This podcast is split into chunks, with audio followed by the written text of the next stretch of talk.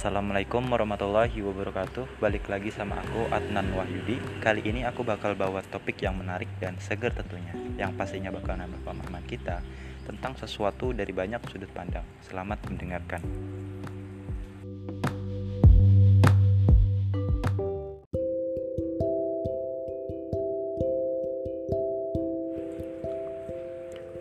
Halo balik lagi sama aku.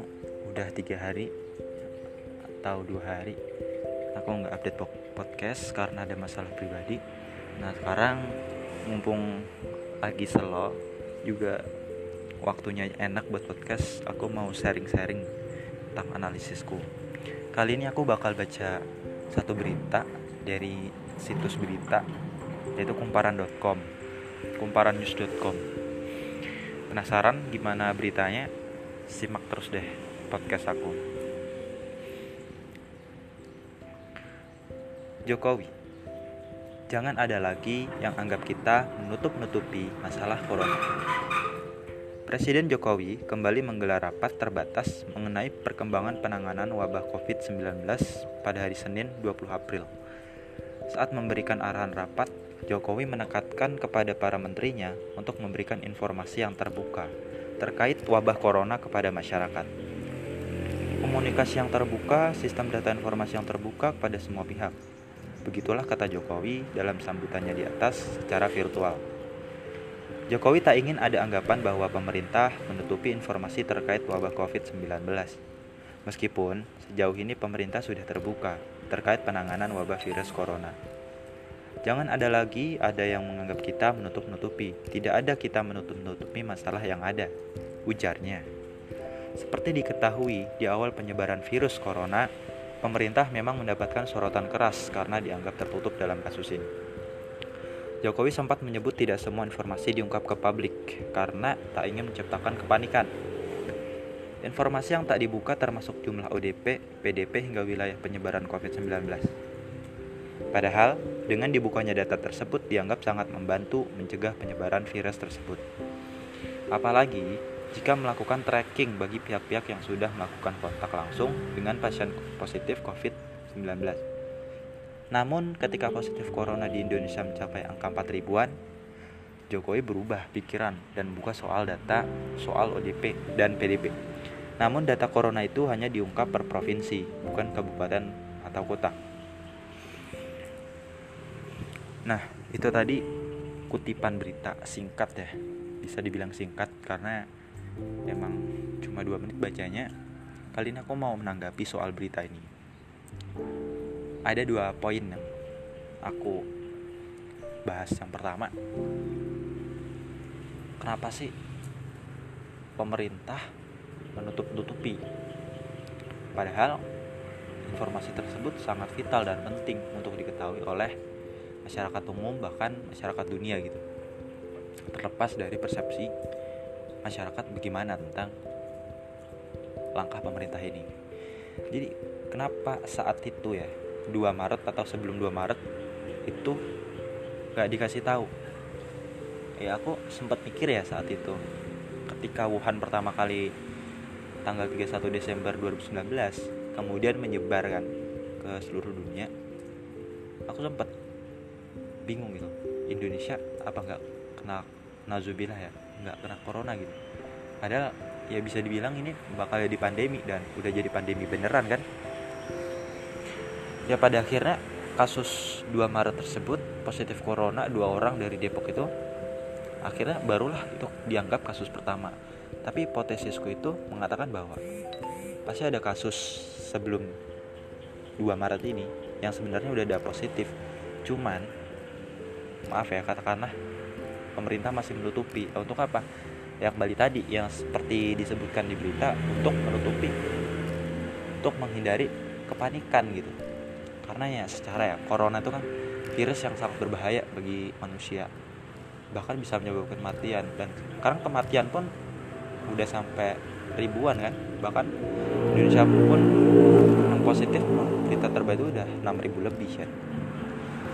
Jadi gitu ya bagus sih niat pemerintah untuk menghindari kepanikan tapi terlepas kepanikan atau enggak paling enggak ketika berita tentang corona penyebarannya gimana di mana aja palingnya udah memberikan gambaran oh Indonesia yang corona segini. Jadi masyarakat yang tahu berita itu bisa mengantisipasi lebih baik gitu.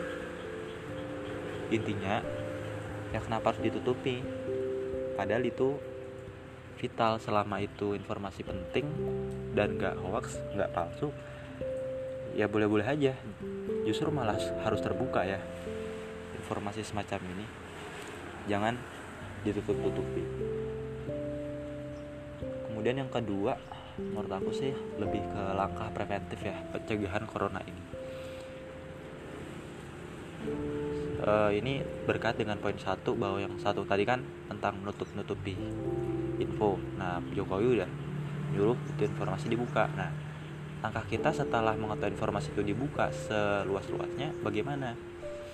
Seperti yang aku bilang ya kita harus lebih siap lebih siaga gitu segalanya. Apalagi corona kan belum selesai nggak tahu sampai kapan ya. Dan aku pernah dengar berita tuh sampai akhir tahun menurut prediksi Pak Jokowi. Tapi ya terlepas kapan itu selesai ya paling nggak kita udah persiapkan lebih baik ya. Imunitas tubuh kita makanan kita gizi kita ya semua harus diperbaiki. Menurut aku sih langkah preventif yang pertama tuh jangan panik ya. Terus update berita. Kalau ada yang bilang jangan update berita menurut aku salah sih. Tetap terus update berita cuma difilter beritanya.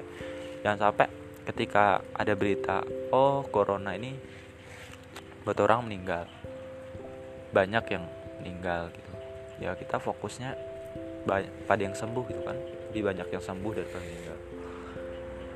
Jadi intinya filter aja deh berita dan terus update berita baik itu tentang corona pencegahan corona yang lebih baik gimana gitu. Makanan-makanan yang harus dikonsumsi apa gitu. Yang pertama itu. Terus yang kedua lebih ke pola pikir.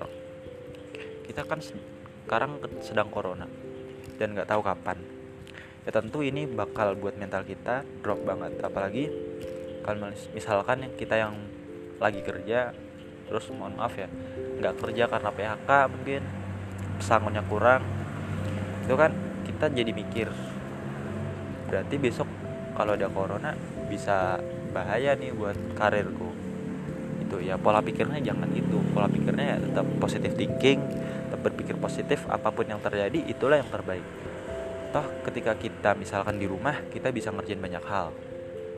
Ya nggak? Misalkan hobi yang dulu belum pernah dikerjakan sekarang bisa dikerjakan. Misalkan kita nulis coba tips masak tips nulis atau main musik gitu kan. Pokoknya kita masih bisa produktif kok walaupun physical distancing. Ya kalau soal uang ya itu kan salah satu hal aja ya masih banyak kok nikmat yang bisa kita syukuri seperti kesehatan ya kan? Terus dekat sama keluarga justru ketika corona kan kita mas makin dekat sama keluarga makin tahu situasi rumah gimana rumah tuh bisa kita bersihkan. Kita juga lebih intens lah komunikasinya sama orang-orang luar walaupun cuma lewat virtual ya kan? Juga kalau mau kerja misalkan yang masih kerja ya kerja dari rumah itu kan hemat waktu waktunya tadinya banyak banget buat di jalan sekarang lebih fokus pada kualitas kerja gitu sih. Kalau untuk pelajar sih enak ya kuliah online. Untuk yang internetan cepet. Tapi kalau internetannya mohon maaf kurang cepet ya kita bisa baca buku atau apalah yang intinya nambah pemahaman kita gitu. Jadi kesimpulan pada podcast kali ini ada dua. Yang pertama pemerintah udah buka seluas-luasnya berita ini. Ya maka itu harus kita tanggapi dengan positif. Nah cara gimana? Ya kita tingkatin pemahaman kita tentang pencegahan corona terus lebih tingkatin solidaritas kita dan tetap produktif di rumah walaupun ada physical distancing. Dan untuk yang mudik mungkin bisa ditunda dulu ya. Bisa komunikasi dulu lewat virtual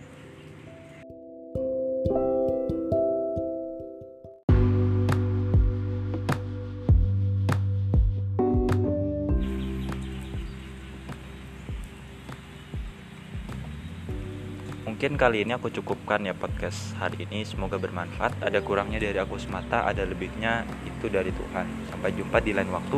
Wassalamualaikum warahmatullahi wabarakatuh.